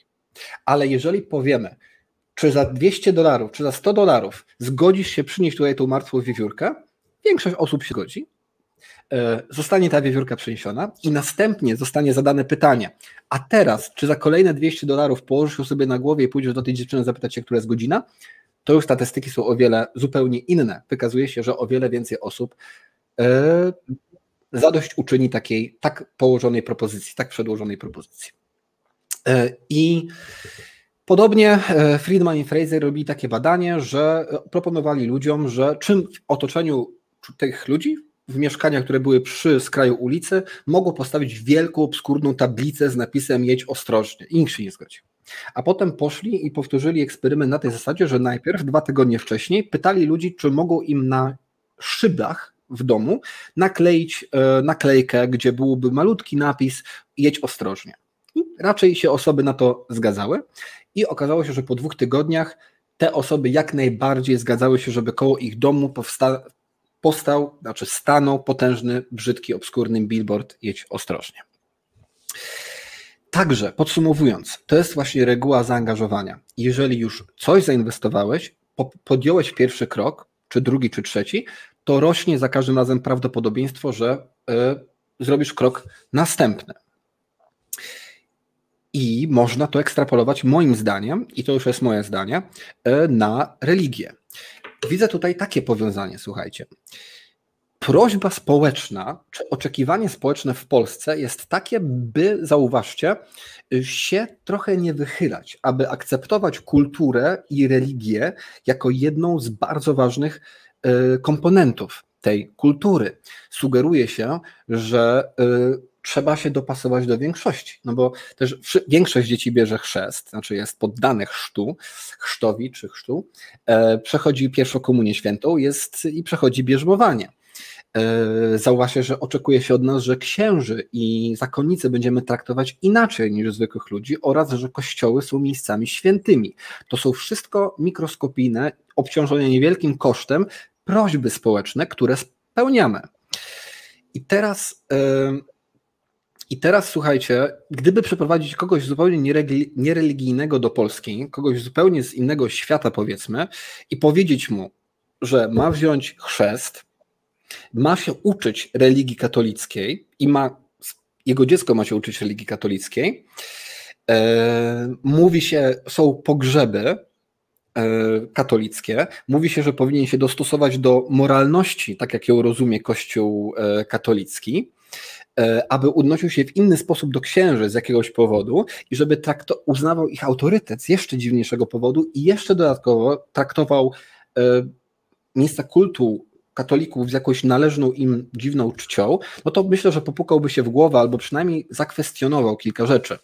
Natomiast u nas, którzy urodziliśmy się w tym kraju, jest to wręcz naturalne. Nawet jeżeli jesteśmy niewierzący, to mamy poczucie, że do księży podchodzi się z szacunkiem innym niż po prostu szacunkiem do dowolnej innej osoby.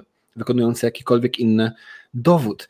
I to właśnie uważam sprawia, to każde mikroskopijne spełnianie kolejnej prośby społecznej, której oczekuje się, że będziemy szanować Kościół, sprawia, że mocno się w to angażujemy, a skoro już się mocno w to angażujemy i pospełnialiśmy tyle różnego rodzaju oczekiwań społecznych, to bardzo łatwo jest wziąć kolejny krok, a bardzo trudno się z tego wycofać. I do tego samego podpunktu, i już kończę, e, jest taka zasada, która nazywa się zasadem, zasadą właśnie zaangażowania. Badanie, lata 50. Słuchajcie, klub dyskusyjny o seksie. Pamiętajmy, że lata 50. są latami bardzo purytańskimi. To znaczy, seks w tamtych latach był bardzo, bardzo mocno tabu. I mamy trzy grupy tych kobiet, które chcą się zapisać do tego klubu dyskusyjnego o seksie, aby połamać kilka tych zasad tabu. Pierwsza grupa po prostu zapisała się i idzie na wykłady. Po prostu. Druga grupa, żeby dostać się na te wykłady i zostać przyjęta do tego klubu, musi przeczytać na głos reszcie grupy wyrazy związane z seksem. To jest dość trudne, ale nadal nie jest to jakoś specjalnie trudna inicjacja. Natomiast kobiety w trzeciej grupie muszą e, przeczytać bardzo krępującą opowieść o akcie seksualnym i również odczytać powiązane z seksem bardzo, bardzo obrzydliwe słowa. Jest to inicjacja trudna. I potem, słuchajcie, te kobiety idą na te wykłady, na, do tego klubu dyskusyjnego i okazuje się, że jak najbardziej jest to klub dyskusyjny o seksie, tylko nie o seksie ludzi, tylko o seksie pasikoników. E, I oczywiście badano, co na temat tego klubu dyskusyjnego sądzą kobiety z tych trzech grup. Otóż bez zaskoczenia e, kobietom z pierwszej grupy, e, czyli tej od łatwej inicjacji, no absolutnie im się to nie podobało, były wzburzone i o co tu w ogóle chodziło, zadawały tego rodzaju pytania. Druga grupa odpowiedziała, że również im się absolutnie nie podobało, ale co się wydarzyło w trzeciej grupie? Oczywiście kobiety z trzeciej grupy uważały, że klub dyskusyjny był w ogóle super, i że wykłady były bardzo interesujące i bardzo ciekawe było słuchać, w jaki sposób chrząszcz jeden z drugim e, dokonują aktu seksualnego albo w jaki sposób e, ten seks uprawiają pasikoniki. Oczywiście działa tutaj dysonans poznawczy, o którym zdążyło mi się opowiedzieć w ostatnim odcinku e, sesji. Ale nie tylko, bo tutaj właśnie zadziałała zasada zaangażowania z zakresu pojęć wpływu społecznego. To znaczy, im więcej zainwestujesz na wstępie, tym bardziej cokolwiek nastąpi później, będzie wydawało ci się wartościowe. W religii całe życie w kościele, chrzest, śluby, twoje, swoje, znajomych, religia w szkole, pogrzeby. Całe społeczeństwo mówi, że jest spoko, że tak ma być, że to jest ok i tak powinni się wszyscy do tego modelu dostosowywać. Tyle już zainwestowaliśmy, tyle już w tym siedzimy, całe nasze życie. Najwyraźniej musi być to wartościowe. Nie mogę się też przyznać, że wierzyłem w głupoty na przykład i że to, co, co zainwestowałem, być może nie ma realnej wartości. E, I to właśnie życie jest właśnie czymś w rodzaju trudnej inicjacji pochodzącej z tego eksperymentu. Więc uważam to życie w tym modelu, w tym systemie, w tej machinie za wartościowe. Dobrym odwzorowaniem, moim znowu prywatnym e, zdaniem, są kobiety, które znajdują się w trudnych związkach. Kobiety lub tak naprawdę mężczyźni również. E, związki przemocowe, w których kobiety lub mężczyźni tłumaczą sobie, e, dlaczego dalej są z tym partnerem. Tłumaczą sobie to gadaniną rodzaju tyle zaangażowania i pracy włożyłem, włożyłam w ten związek. Kit z tym, że nie wiem, nie bije albo robi jeszcze gorsze rzeczy on czy ona. To musi być wartościowe, skoro już w to tyle zainwestowałem, więc w tym systemie pozostaje. I uważam, że to ma dokładnie takie zastosowanie w religii. Jeżeli zostanie nam trochę czasu, to y, grupą reguł, które jeszcze lepiej pokazują, jak religia działa na zasadzie wpływu społecznego, jest y, argument, jest dowód społecznego, y, społeczny dowód słuszności. Ale ja osobiście wolałbym przejść do jeszcze przynajmniej jednego telefonu.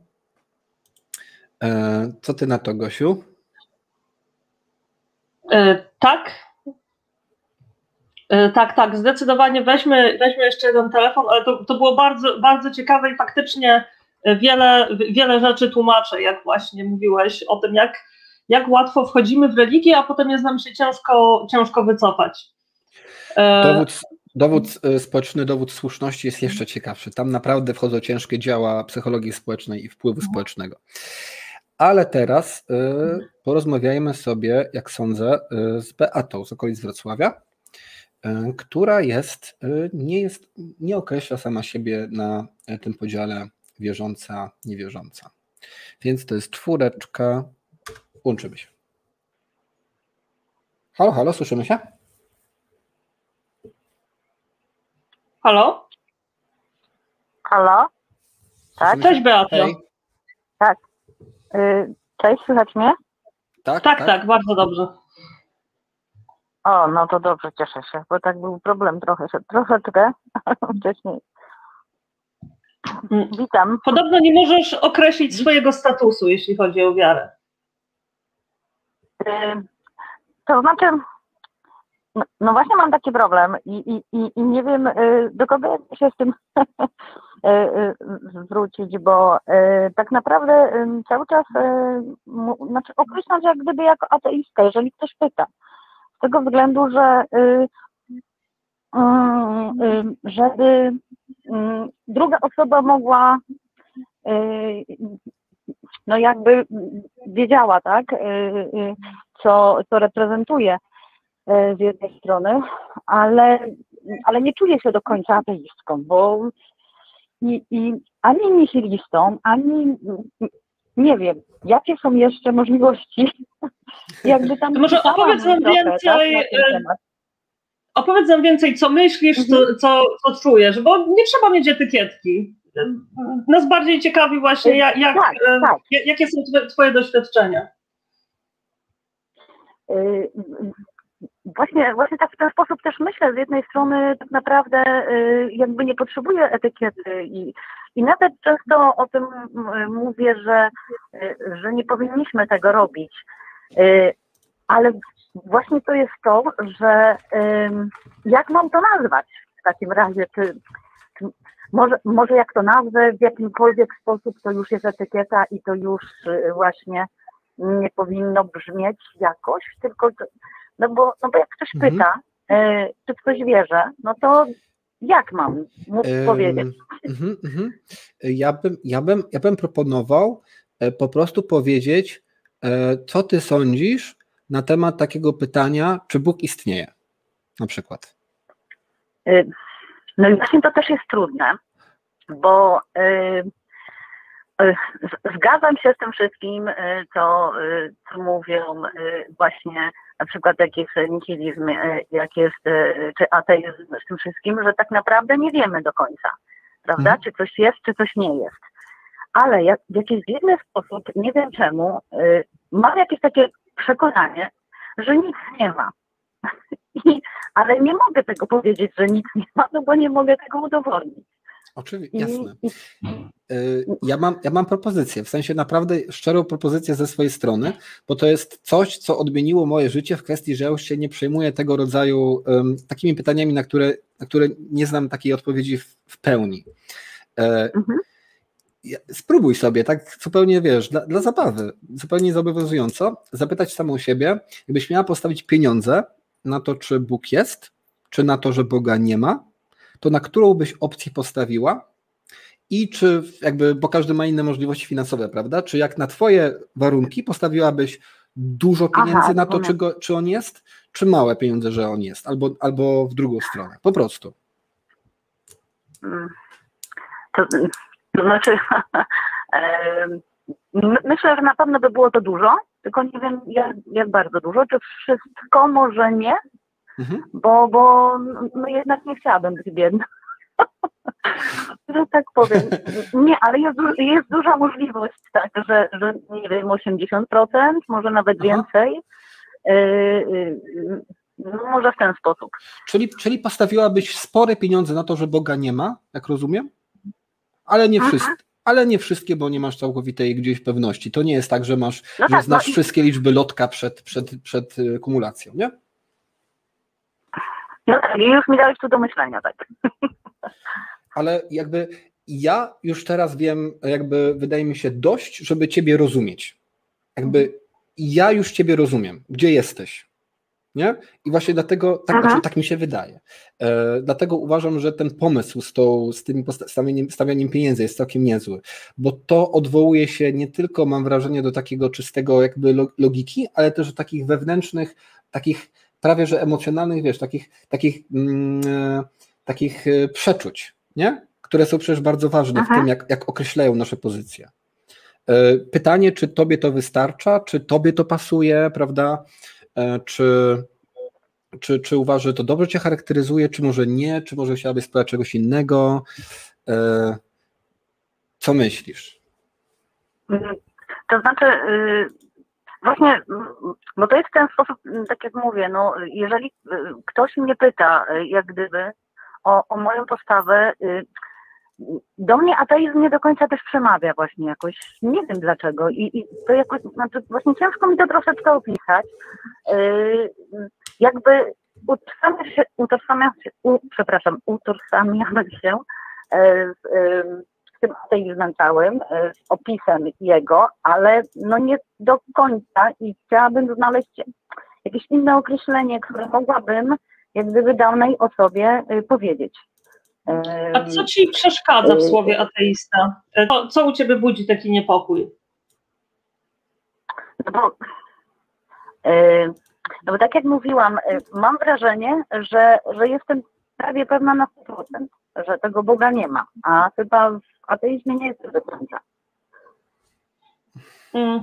Znaczy, wiesz co, po, popraw mnie Bogu, jeśli ja się mylę, ale z tego, co pamiętam z dzisiejszego odcinka, ty, powie, ty, ty się określasz jako ateista, tak?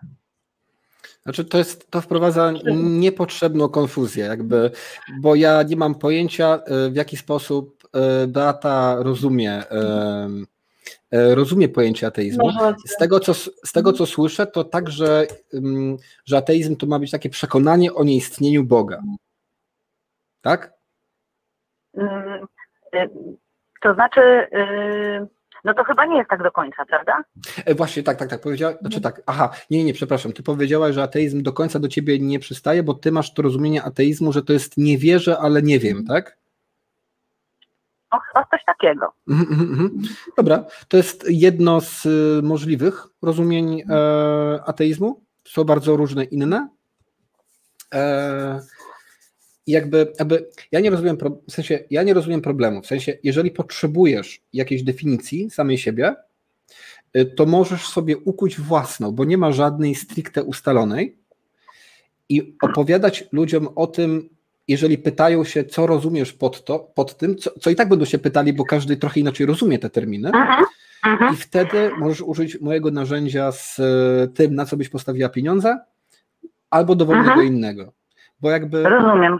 naprawdę jest strasznie dużo rozumień tych słów. Nie, nie wiem, to mm, wiesz, to tak jakby, nie, nie, oczywiście jak zwykle nie przychodzi mi w najbardziej potrzebnym momencie jakieś porównanie, tak, ale nie wiem, e, piosenka, lubię, lubię, lubię piosenki. Jakby, okej, co rozumiesz pod słowem piosenki? No dla mnie piosenka jest taka i taka i taka, a ja rozumiem, że czym innym jest piosenka. Czyli, to, czyli co to znaczy, że lubisz piosenki? Aha, lubisz piosenki z ładną melodią i wyjaśniasz, co oznacza dla ciebie słowo piosenka. Yy, I trochę, ja, ja trochę tak samo widzę tą sprawę z tym właśnie określaniem swoich pozycji względem Boga. Mhm. Czyli, że Ja ka- też każda, każda osoba ma y, swoją definicję. Tak, tak, tak, rozumiem. Y, Mówię, że tak przepraszam, bo, bo tak nie spodziewałam się, troszkę się czekało na, na wizję, a y, no i człowiek jest taki zestresowany, jak rozmawia z wami. Bardzo mi miło w ogóle was słyszeć w mojej słuchawce. Mm, Powiem jeszcze może coś takiego, że no w sumie masz Bogumił rację, bo y, Przeważnie się określałam tak jako ateistka, tak żeby to było łatwiej jak gdyby zrozumieć y, ludziom właśnie, żeby od razu, bo jak się mówi to słowo, no to raczej większość osób wie na czym to polega, ale nawet y, spotkałam się z czymś takim, że jednemu y, znajomemu powiedziałam to y, i on do mnie mówi, ale to, no, ale wierzysz w coś, czy, czy jak? Mówi. Ja mówię, no nie, no jak? No właśnie nie wierzę. No ale jak tak bez wiary? Mówi y, i powiedział, ale to przecież y, kiepsko się żyje tak bez wiary, a ja do niego mówię właśnie, że odwrotnie. I on więcej już o nic nie zapytał, bardzo był zdziwiony, że mu coś takiego powiedziałam. I, a ja się zdziwiłam, że w ogóle ktoś może nie wiedzieć, co to jest. Więc to takie faktycznie, co bym nie powiedziała tak naprawdę, no to trzeba jakby ludziom objaśniać, jeżeli potrzebują tak, w sumie, tak? Tak, dokładnie. Tak, znaczy ja się też jeszcze tutaj muszę powtórować właśnie Bogumiłowi, ja się jeszcze nie spotkałam chyba z żadną definicją jakiegoś abstrakcyjnego, znaczy bo, bo, bo mówimy teraz o abstrakcyjnych rzeczach, nie powiedzmy o stole, o krzesłach, tylko o jakichś um, koncepcjach. Nie spotkałam się jeszcze z żadną koncepcją, żeby ona nie była różnie rozumiana przez różnych ludzi. Chyba nie ma obiektywnych definicji niczego. Mhm. Właśnie. Mhm. No rozumiem, rozumiem właśnie coś, coś takiego. I to znaczy y, w ten sposób jakoś tak y, mówię, no y, przeważnie mówię, że jako ateistka jak gdyby jestem, ale czasami próbuję to inaczej jakoś nazwać, ale właśnie nie potrafię, bo mhm. tak jakby nie chcę być, dla mnie po prostu świat powstał z, z, nie wiem, chemicznych, fizycznych przyczyn, tak, różnych tam i po prostu to się dzieje. Dla mnie ludzie tak samo jak zwierzęta y, rodzą się, umierają, po prostu to wszystko istnieje i się zgrywa tak jak y, tak jak y, świat od zarania dziejów działa, tak I, i po prostu w ten sposób to wszystko widzę. I, ale nie wiem, no, no, czy to jest dobrze, czy to źle. No tak, tak jak czuję, tak w ten sposób. To jest jakie jest po prostu jest. Nie musimy, nie musimy tego oceniać. Dokładnie. Y, to, to nic w takim razie, Bogu, chyba mi troszeczkę i tak y, wyklarowałeś w sumie sytuację. A to bardzo się cieszę. Mm, y, chciałabym jeszcze coś poruszyć, jeśli mogę, na szybciutko. Oczywiście. Y, ja tak wracając w sumie właśnie do poprzedniego odcinka, y, hmm, próbowałam, to znaczy spóźniłam się na odcinek, no przepraszam, ukajam się. I, i, już nie miałam jak zadzwonić, ale y, tam była taka kwestia, poprzedni, poprzedni to był, czy nawet nie, dwa, mm, tak, dwa odcinki temu. Była taka kwestia, jeżeli chodzi o zbliżenie się y, mężczyzny do kobiety, że jeżeli kobieta jest jakby w ciąży, to nie można tego uprawiać seksu, ponieważ y, ona nie zajdzie w ciąży, tak? Y, I ja właśnie tak przez chwilę pomyślałam, że no niby tak, ale mm, ja lubię też takie tematy naukowe i troszkę gdzieś tam Mm, już oglądałam i, i, i słuchałam. I no faktycznie to, kto, to, co ktoś napisał kiedyś, no nie mógł tego wiedzieć, a teraz my już wiemy, że jest taka możliwość, że kobieta nawet jak jest w ciąży, to może wejść drugi raz w ciąży. Więc tutaj jest taka sprzeczność troszeczkę z tym, co było napisane kiedyś, więc y, tak chciałam tylko nadmienić, że znaczy, ja tylko chciałam wyjaśnić, że to, że to właśnie, kiedy była mowa o tej ciąży, ja tylko chciałam za, zaznaczyć, że to jest, inter, że to jest interpretacja um, etyki um, seksualnej Kościoła katolickiego, który ja znalazłam na pewnej grupie. To, to nie jest oficjalna nauka ko Kościoła, także na pewno nie wszyscy katolicy to wyznają. Tak tylko chciałam zaznaczyć. To był bardziej taki folklor, który ja chciałam E, przywołać po to, żeby pokazać do, e, do jakich absurdów można dojść, jeżeli chcemy w taki bardzo restrykcyjny sposób wyznawać e, katolickie zasady etyki seksualnej. Tak, jakby podążać za impliki, tak, tak. implikacjami, tak. nie? Tak, tak, jasne, jak najbardziej. I ja myślę, że jeszcze wiele rzeczy w ogóle takich wyjdzie, bo wiele jeszcze organizmu, ciała, tak, ani większości rzeczy człowieka jeszcze nie znamy i dopiero będziemy badać, więc przypuszczam, że jeszcze nie raz wyjdą takie właśnie tak, y, tak, tak. tak. jakieś niezgodności. To trochę tak jak z tym potencjalnym życiem na innych planetach, nie? że jakby wygląda na to, że w Biblii chyba nikt tego nie przewidział. I tak. gdyby Czy Jezus umarł okazało, też? Tak, gdyby się przypadkiem okazało, że istnieją miliony planet albo miliony milionów planet, gdzie są inne życia, to, to, to, je, to jesteśmy jeszcze bardziej wyjątkowi, że z tego milionów możliwości wyboru akurat nas. Jakoś nikt nie wspomina mhm. o zbawieniu tych miliardów innych żyć w galaktyce, prawda? Tak. Bo wtedy jest pytanie, no, czy Jezus umarł za wszystkie te życia, czy każda planeta ma swojego Jezusa? Robią się różne ciekawe, no i... ciekawe wątki. Tak, tak, tak, tak, tak. Tylko, że no właśnie y, naj, y, najdziwniejsze jest to, że zawsze y, te znajdą jakieś, jakieś wyjście. Mhm. To jest właśnie zawsze najdziwniejsze. No dobrze, już Tak. nie będę przedłużać też i y, y, chcę dać jeszcze, może, może kogoś jeszcze odbierzecie, bo na pewno macie dużo jeszcze no, tele, telefonów. Bardzo dziękuję za rozmowę i przepraszam za mój brzący głos. Dziękujemy bardzo, była bardzo ciekawa. Zgadzam się z Dziękuję, Bogiem. więc y, i będę dzwonić jeszcze. Zapraszamy serdecznie. Zapraszamy. Do, do usłyszenia. Miłego wieczorku. Hmm. Co myślisz, Bogu? Czy chcemy wziąć e, może jakieś pytanie z czata? Proszę. Mm, tak się właśnie rozglądam, bo chcę, żeby czat też się czuł uwzględniony, bo e, nasz czat czekał dziennie od 18. Oj, tak, tak, tak. Dzisiaj to.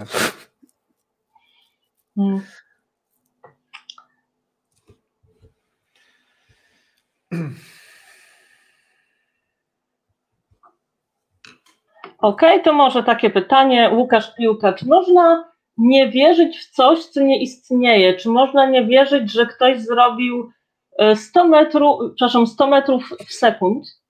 E, Coś tu chyba się zgubiło. To nie jest możliwe, wynika się kategorii wiary. Czekaj, czekaj, Nie czekaj. wiem, Czy, może... czy można nie wierzyć w coś, co nie istnieje? Aha, rozumiem, że to jest pytanie do ateizmu, że jestem niewierzący w Boga, którego nie ma w ten sposób. Mhm. E, Ja myślę, że to jest takie um, zaowalowane. W sensie to trzeba by rozebrać, ale ja nie, nie jestem za dobry w takie rozbieranie. E, Natomiast jeżeli, jeżeli trochę dobrze zrozumiałem, znaczy jeżeli w miarę zrozumiałem sens tego, przede wszystkim tej pierwszej części, czyli czy można nie wierzyć w coś, co nie istnieje, e, no to wydaje mi się, że tak. Dlatego, że istnienie niekoniecznie musi być poznawalne.